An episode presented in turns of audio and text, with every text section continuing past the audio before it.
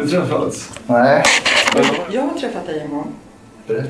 Eh, Det var i början på 80-talet. Jag hade en väninna. Vi befinner oss i ett hotellrum i centrala Stockholm. Det är sensommar år 2010 och författarna Thomas Sjöberg och Diane Rauscher har äntligen fått till en intervju med en person från kungens innersta krets. Festfixaren och nattklubbsprofilen Christer Gustafsson. Eh, Vi, vi, fick, vi frågade om vi fick använda bandare och det var helt okej för honom. Bakgrunden till intervjun är att Diane och Thomas skriver en bok om kungen. En bok som började som en vanlig biografi men som har blommat ut till någonting helt annat. För många extremt uppseendeväckande uppgifter har under researchen dykt upp som kastar en mörk skugga över kungen och hans vänner. Jag undrar om det inte var så att han också hade en bandare med sig. Så var det nog. Han bandade nog också samtalet. Så det var ömsesidigt då. Han skulle väl spela upp det för grabbarna då och få minus eller plus i, i kanten. Grabbarna, alltså kungen och hans vänner, vet vid det här laget om att boken skrivs och har ett hum om vad den kommer att kretsa kring. Och de har, av någon outgrundlig anledning, valt ut just festfixaren Christer Gustafsson som någon slags talesperson. Och Christer har fått två viktiga uppdrag av grabbarna. Att ta reda på vad författarna vet, samt att inte göra bort sig genom att säga något han inte borde. Och så började vi då att prata med honom. Jag tror vi satt där ett par timmar. Men har du aldrig funderat över hur mäktiga män är beredda att offra så mycket eller riskera att förlora så mycket för en utlösning? Ja, så utlösning är belöning. De söker bekräftelse. President Clinton, Ja, ja, det, det, det är bekräftelsen. Det är utlösning är belöning. För vad? Bekräftelsen av att eh, eh, finnas till. Eh, Jag tror du att han fick plus eller minus av kungavännerna för sin Minus, superminus. det gick nog inte så bra för honom. hela 80-talet vet du, det var ju en enda jävla sexresa. Ja. Ja, det var det. Nej, det gick inte speciellt bra för kungavännen Christer Gustafsson. Innan han vet ordet av har han gett författarna mer än vad de hade hoppats på. Han fattade kanske inte själv just då att han precis har bekräftat att Sveriges statschef har befunnit sig på en jävligt olämplig plats för en, för, för, för en kung och statschef. Mitt namn är Nils Bergman och du lyssnar på podcasten Motiv och på den första av sex delar om den så kallade kungaskandalen. För jag blev så chockad. så att, eh, för jag, och sen förstår jag att de vill ha mig som en kaffeflicka. Det här är historien om boken Den motvillige monarken. Om hur den skrevs och om hur den lyckades vända upp och ner på hela mediasamhället. En kung som beställer in kvinnor till kaffe, så kan det ju inte gå till.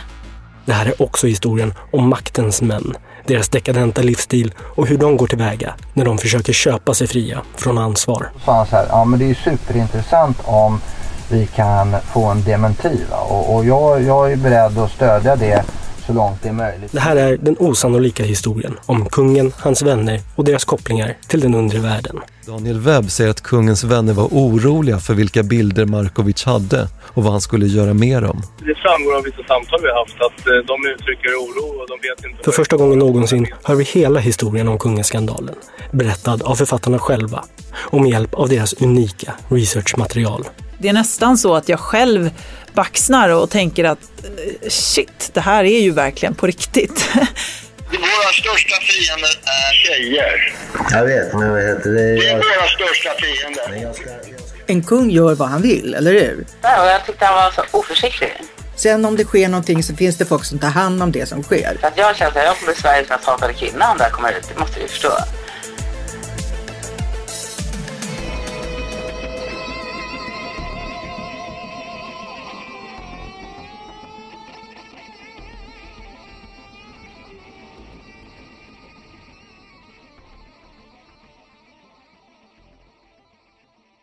Ja, mitt namn är Diane Rauscher och jag är numera eh, arbetande eh, pensionär kan man säga.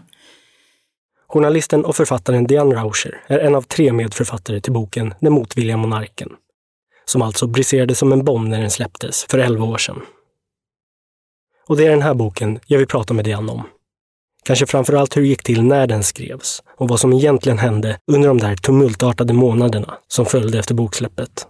Ja, Eh, det här med eh, kungaboken och orsaken till att jag är intresse blev intresserad av att gräva vidare har ju funnits ganska länge. Diane berättar att hon valde att utbilda sig till journalist relativt sent i livet. Hon blev klar med sina studier i sena 40-årsåldern. Då påbörjade hon ett ambitiöst och omfattande researchprojekt som utmynnade i boken Makten, männen och mörkläggningen. Historien om bordellhärvan på 70-talet, där politiker och andra mäktiga män avslöjades ha utnyttjat en callgirl-verksamhet under ledning av bordellmamman Doris Hopp. Det blev en känslig men också givande story för Diana att arbeta med och hon kände sig nöjd med boken. Som nästa projekt vill hon ta reda på mer kring det hon har hört om vad kungen och hans vänner har sysslat med under åren. Jag kommer ihåg på 70-talet när jag läste eh, Herrar och horor i pockettidningen R som var ett helt sensationellt kapitel eller avsnitt om en skandal på den tiden. Nämligen att, att UD-tjänstemän, jag vet inte om de gick ut med det då, men det var, visade sig sen och blev bekräftat att UD-tjänstemän var trötta på att ragga horor åt kungen och leverera till hans hotellrum på resor runt om i världen. För den har det hela alltså sin början på 70-talet. Närmare bestämt år 1977 då den granskande tidskriften Pockettidningen R publicerade ett temanummer om prostitution. Och där smög det sig in ett reportage av journalisten Stig Edling som avslöjade att olika kvinnor transporterats till kungens hotellrum under bland annat en resa till USA. Det framkommer sedan att det var UD-tjänstemän som styrt denna eskortverksamhet. Numret skapade minst sagt uppståndelse. Men ganska snart står det klart att det inte är kungens agerande som hamnar i fokus för debatten, utan huruvida journalisten hade rätt att skriva om kungen på det här sättet. Ska inte även kungen ha rätt till ett privatliv, låter det. Men eh, varför skriver då Pockettidningen R om kungens privatliv?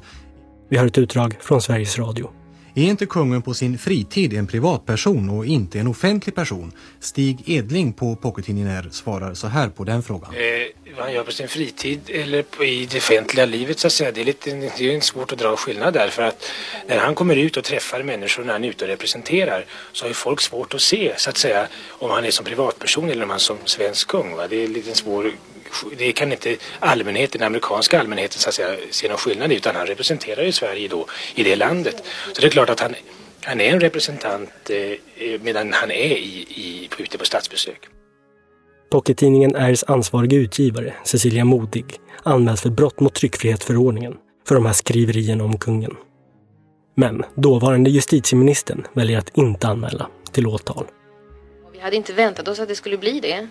Och vi kan väl säga så här att nu anser vi att den här historien bör kunna komma i bakgrunden till förmån för en seriös diskussion om prostitution och prostitutionens orsaker.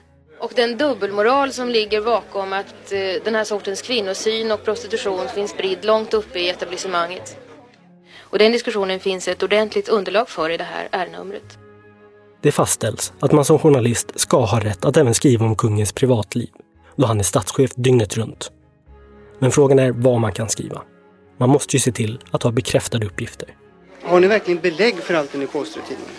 Eh, ja, det har vi. Jag kan säga så här att det vi redovisar i numret är egentligen bara toppen på isberget. Det som skrevs i R-numret är bara toppen av isberget, menade Stig Edling. Som tillägger att allt som publicerades backats upp och bekräftats av flera olika källor. Men insinuerar alltså att det framkommit mycket annat som de valt att inte ha med. Hovet valde under den här tiden att helt lägga locket på och svarade inte på en enda fråga och gjorde inte ett enda uttalande.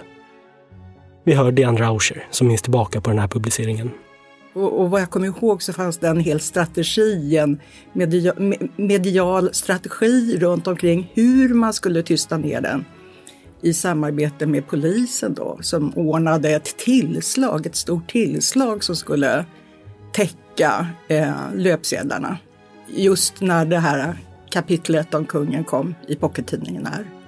Så då blev jag väldigt nyfiken. Men på den tiden så sysslade jag med helt andra saker.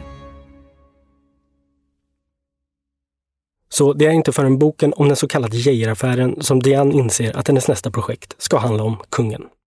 Eh, men efter den här boken så träffade jag lite människor som höll på med grävande journalistik och, och, och det var, och jag pratade med en kille som, som var dokumentärfilmare och berättade om om jag skulle göra någonting i framtiden så, så, skulle det bli någonting som har med kungen att göra för att jag hade ju hört historier.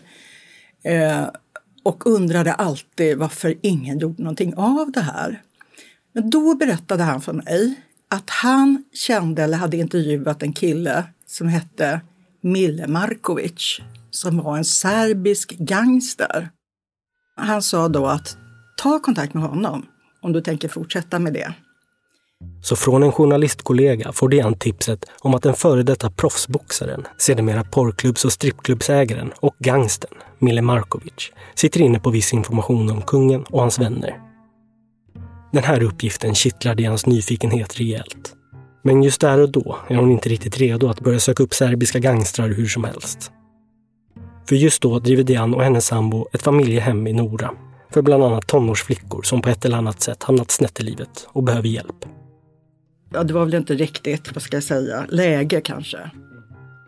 Diane vurmar för det här livet och har funnit ro i tillvaron.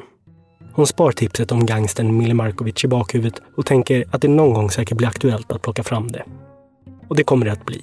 Men inte förrän några år senare, då hon kommer att stöta ihop med Thomas Sjöberg. Okej. Okay. Ja, jag heter Thomas Sjöberg, jag är journalist och författare sedan 40 år drygt. Ja, det startade ju redan 2007, slutet 2007. Thomas och Diane känner vid den här tiden inte till varandra och känner därför inte heller till att de båda går omkring och ruvar på exakt samma bokidé. För Thomas har vid den här tiden bland annat skrivit och gett ut en bok om porrkungen Bert Milton och en bok om möbelkungen Ingmar Kamprad. Nu ämnar han sikta ännu högre och vill skriva en bok om den faktiska kungen, vilket han också nämner för sin förläggare Per Gedin över en lunch. Eh, och jag droppar väl för Per att eh, jag fortfarande skulle vilja skriva en bok om kungen, för det, det finns någonting där som lockar. Eh, det är liksom den yttersta symbolen för, för makten i Sverige och det är ingen som har varit där riktigt och, och undersökt det. Jag har väl hört rykten under årens lopp, jag har jobbat på kvällstidningen gubevars. Thomas vet om att det är svårt att skriva om kungen och drar sig till minnes hur en journalistkollega till honom blev uppkallad till hovet och tillrättavisad efter det att han skrivit en mindre smickrande artikel om kungahuset. Så här skriver man inte, hade denna journalist fått det förklarat för sig. Men, så jag, jag visste att det är inte helt okomplicerat att, att vara publicist i förhållande till hovet om man, inte, om man vill gå andra vägar än den rent fjäskande och insmickrande eh, hovjournalistiken så som den har sett ut under decennier. Så att det, det fanns någonting i det här med att närma sig hovet på ett annat än hovsamt sätt. Som, som, det fanns en lockelse i det för mig. Så när förläggaren Per Gedin och förlagschefen Kristoffer Lind på Lind Company förstår vad det är Thomas föreslår känner de först av vissa tvivel. Kristoffer Lind säger det han tidigare sagt till en annan författare som kommit till honom med en liknande bokidé. Du kommer inte klara, du kommer inte lyckas därför i det ögonblicket du ställer din, eller, ringer ditt första samtal så kommer larm, larmet att gå. Det vill säga inte kungen kanske, men åtminstone hans omgivning kommer att ringa runt till alla människor och säga att om du ringer en, en, en författare eller en journalist så, så säg ingenting. Så var det inte några frågor. Det var vad som hade hänt i det här fallet. Så att han sa Kristoffer till mig, eller han säger till mig då väldigt tydligt att jag tror inte, det är en jättebra idé, jag har försökt tidigare men det, det, det stöp på just det att han kom ingen vart den här journalisten. Det var en väldigt bemärkt och, och skicklig journalist. Och då säger jag till Kristoffer, minns jag väldigt tydligt att jo, men jag vet det här med att jag inte kommer att lyckas. Det, det, det sa de när jag skrev boken om Ingvar Kamprad också, att du kommer inte, inga kommer att ställa upp för dig. Men jag lyckades ändå intervjua 110 personer om Ingvar Kamprad. Så att det går visst, ingenting omöjligt, säger jag då till Kristoffer, kaxig som jag är. Och han låter sig övertygas och vi kommer överens där och då till pers persiljehjälpar, potatispuré och lättöl. Uh, att nej men, vi sätter igång, vi skriver förlagskontrakt och uh, när ska den komma ut tycker vi? Ja, två år är väl en rimlig tid. Det här är då våren 2008 eh, så att eh, jag har då två år på mig. Tänkt utgivning hösten 2010. Och jag går därifrån lunchen och är lycklig som en sångfågel verkligen. För jag tänker, jädrar, nu har jag liksom ett bokkontrakt. Eh, och jag har två år på mig. Det är ju en oceaner av tid, tänker jag. Och jag älskade mitt arbete, jag älskade de här tonårsflickornas framsteg och jag älskade den här fantastiska trädgården, huset, historien och allt vad jag höll på med. Men, men inom mig så växte en slags längtan efter att göra någonting annat. Så samtidigt som Thomas landat ett bokkontrakt för en biografi om kungen börjar en lyckligt ovetandes Diane att smått sätta igång med sin bok om kungen. Även om hon trivs i sin nuvarande situation saknar hon skrivandet och framförallt grävandet.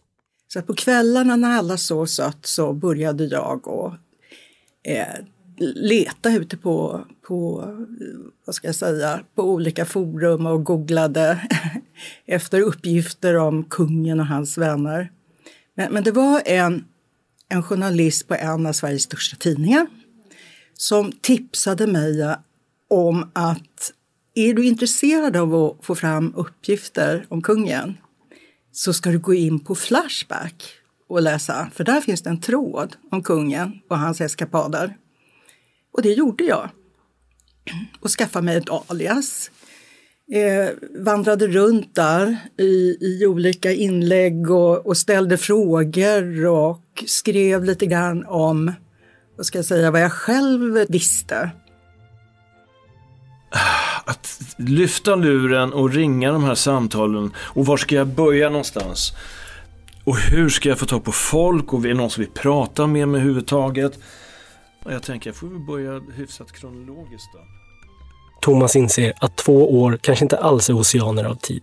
För en bok om kungens liv visar sig vara utmanande och materialet omfattande. Alltså jag läser så mycket litteratur. Jag har fått tag på kungens första, alltså den här barnflickan, Nenne Björnberg, hon skrev ju en bok om sina år som just barnflicka åt Hagasessorna. Hon ringde upp dåvarande Republikanska föreningens ordförande och vi pratar bara förutsättningslöst om, om det här med kungen och hur Republikanska föreningen vad hon känner till om kungen och finns det några komplikationer, finns det någonting att problematisera? Alla gamla arkiv han kan hitta gräver han i, sökandes efter vad han än kan finna om kungen.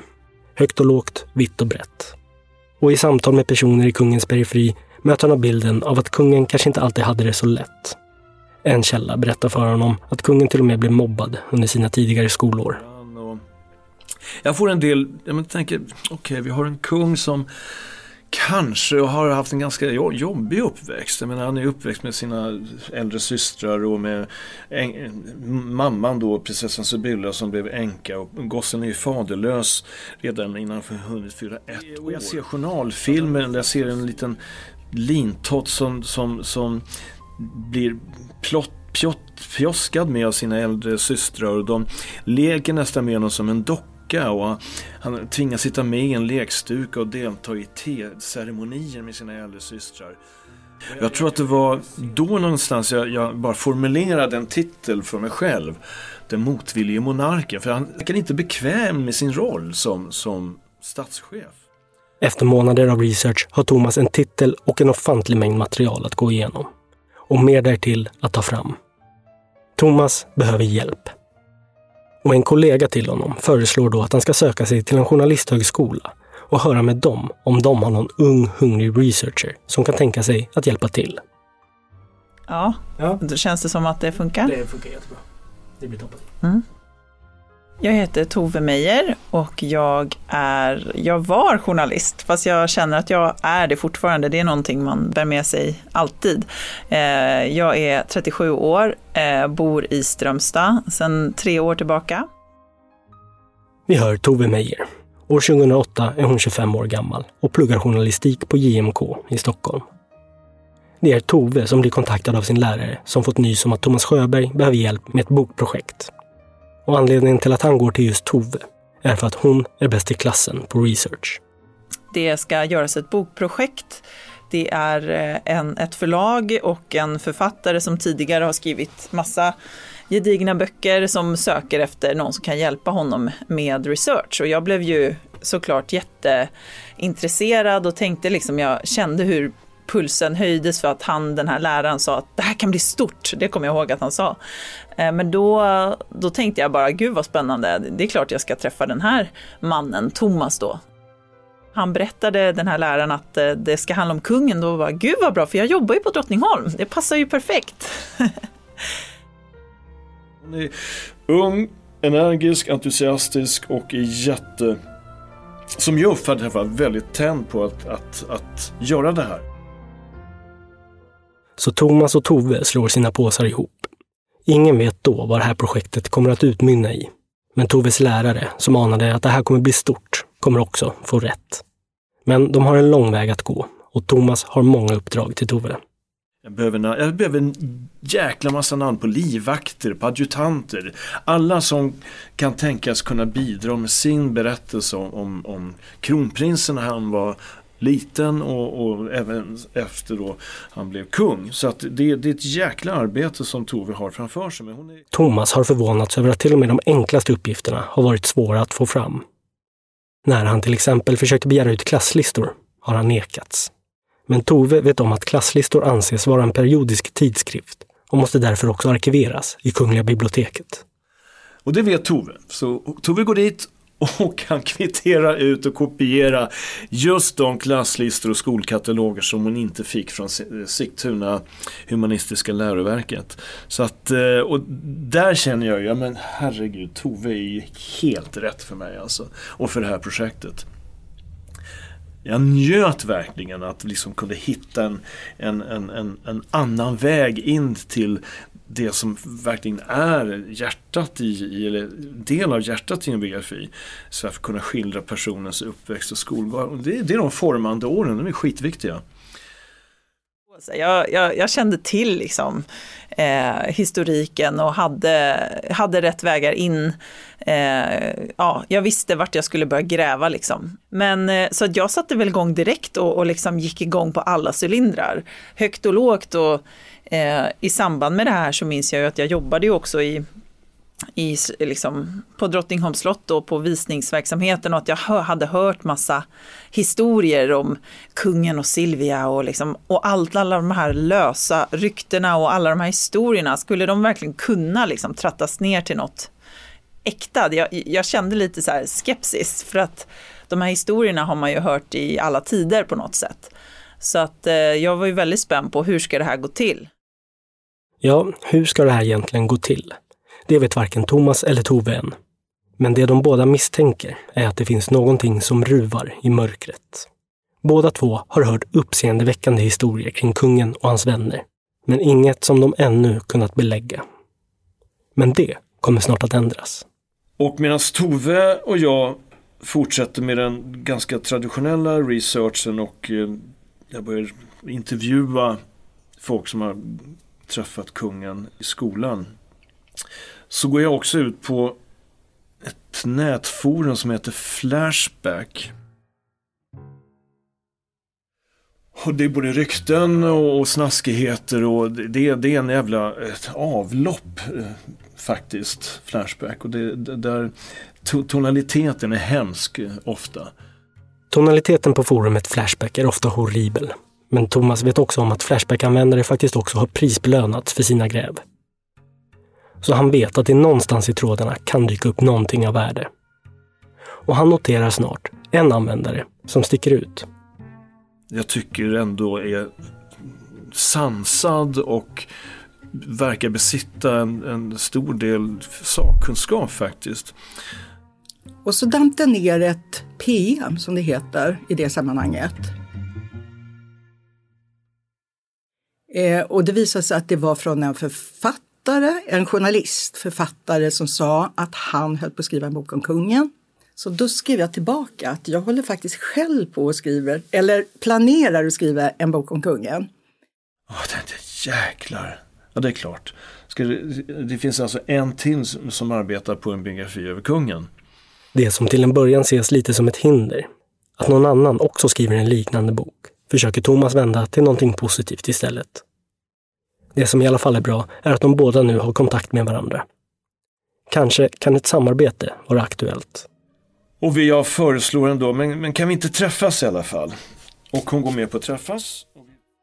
Diane går med på att träffa Thomas och inom ett par dagar möts de upp på en krog i Gamla stan. Så vi satt där och eh, höll på våra hemligheter. Jag vet inte hur många han hade vid det tillfället, men han märkte ju, alltså han försökte ju fiska. Och jag höll tillbaka. Och jag försökte fiska från honom och han sa inte så mycket.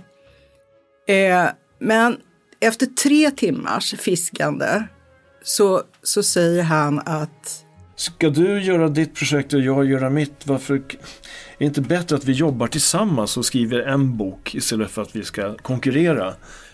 Och inom mig så blev jag så lycklig. Jag blev så lycklig och glad eftersom det här var ju någonting som jag längtade efter att komma igång med. Eh, han berättade att han redan hade ett förlag, Linna Company, och att han hade en ung researcher som han hade raggat. Diane blir minst sagt intresserad, men döljer sin entusiasm. Hon känner att hon, citat, för första gången i sitt liv måste vara lite eftertänksam och inte göra någonting förhastat. Så hon spelar något svårflörtad inför en ivrig Thomas som helst vill komma igång så snart som möjligt. Jag sa att jag måste tänka på saken. Diane går hem och funderar, men har fortsatt kontakt med Thomas över telefon. Thomas är ju en, en förtjusande person eh, och berättare. Och, och på något sätt fann vi varandra. Eller jag upplevde det i alla fall. Thomas har gett ett bra intryck och Diane känner att det här nog ändå är rätt. Hon ringer upp Thomas med det glädjande budskapet att hon är på. Hon vill samarbeta. Efter någon vecka styr de upp sitt första produktionsmöte då även Tove får träffa Diane. Och jag kommer ihåg då när jag skulle gå dit. Eh, full av förväntan då naturligtvis, lite nervös så.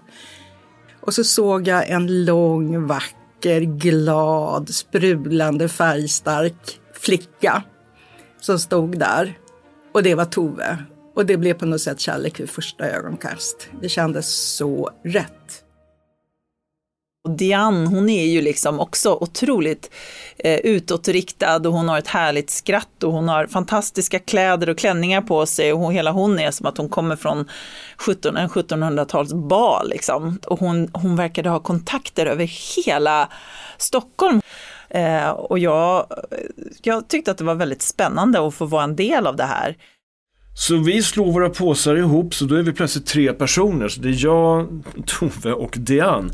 Alla tre väldigt olika karaktärer och i olika åldrar med olika bakgrund. Men vi, vi blir en ganska sammansvetsad trio. Vi gillar varandras umgänge, vi funkar bra tillsammans, vi skrattar, vi har jävligt kul och vi har ett uppdrag som är extremt spännande som ingen vet vad det kommer att landa i. Vi vet bara att det är oerhört svårt, utmanande och kontroversiellt. Eh, och det är med Deans inträde som det här projektet tar en helt ny vändning. Och ingen inser det då, men det, vi, vi är på väg att skapa historia.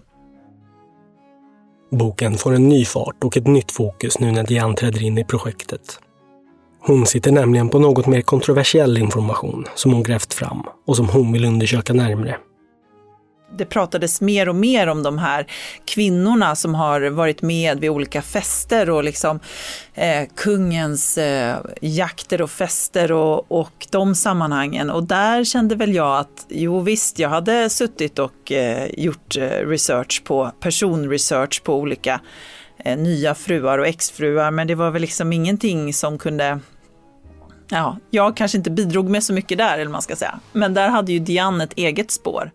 Och nu när kontrakten är påskrivna och allt känns lugnt och tryggt kan Diane berätta för Thomas och Tove det hon hört rörande kungens kopplingar till den serbiska gangsten Mile Markovic. Tipset är explosivt.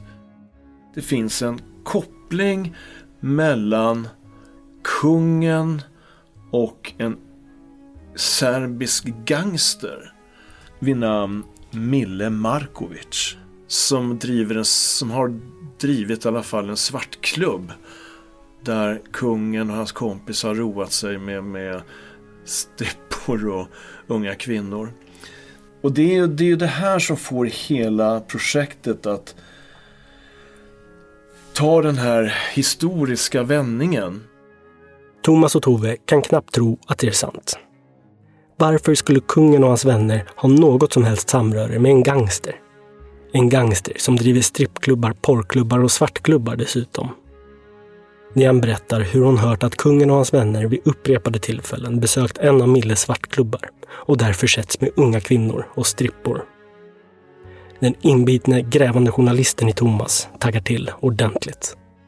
Är det så att landets statschef eh, närmast industriellt förses med unga kvinnor på ett sätt som man inte har sett make till tror jag tidigare.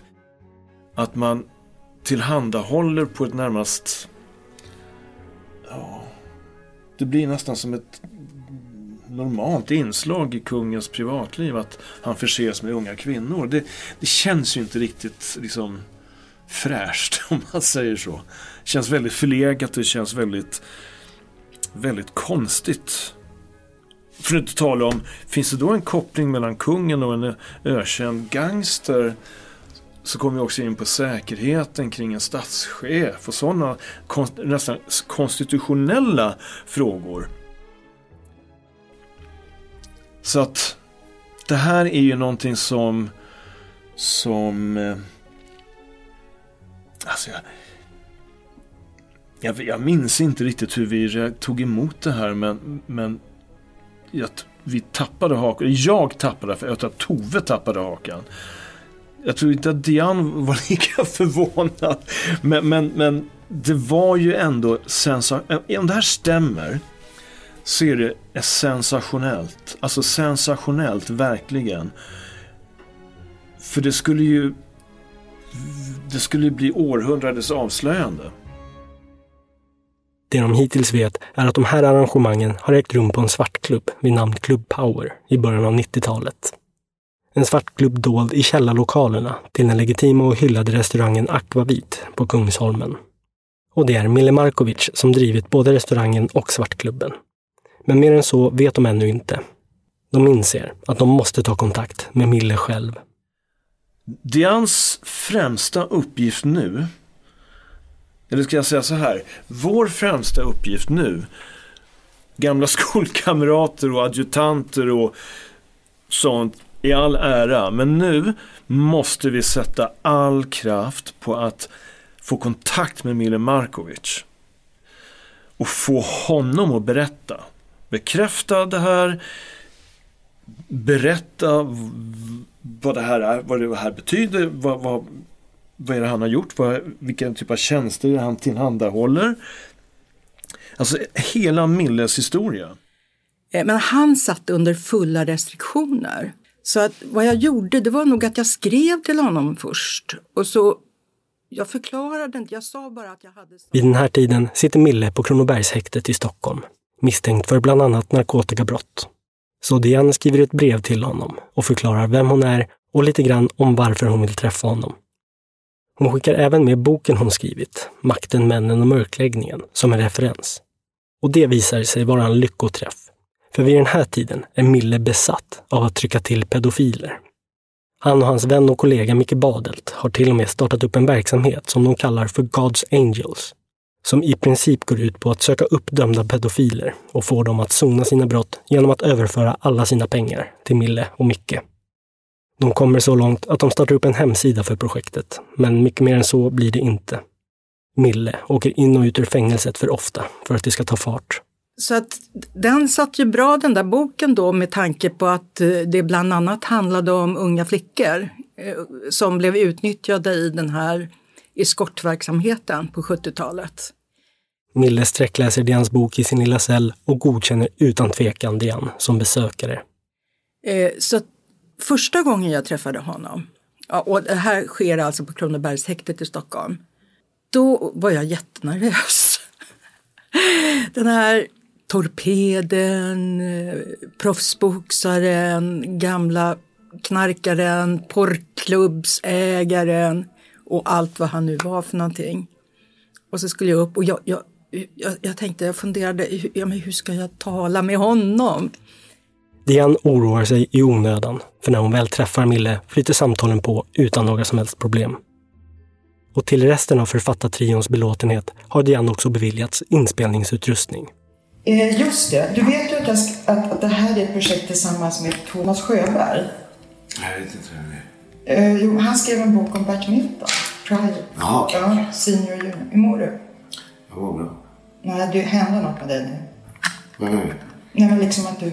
Nej, alltså jag tänker bara på eh, eh, att eh, hur jag ska vet, eh, göra med dem när jag kommer ut. Ja. Men du, alltså, om jag har förstått. Tycker du att det är jobbigt det här anförandet? på?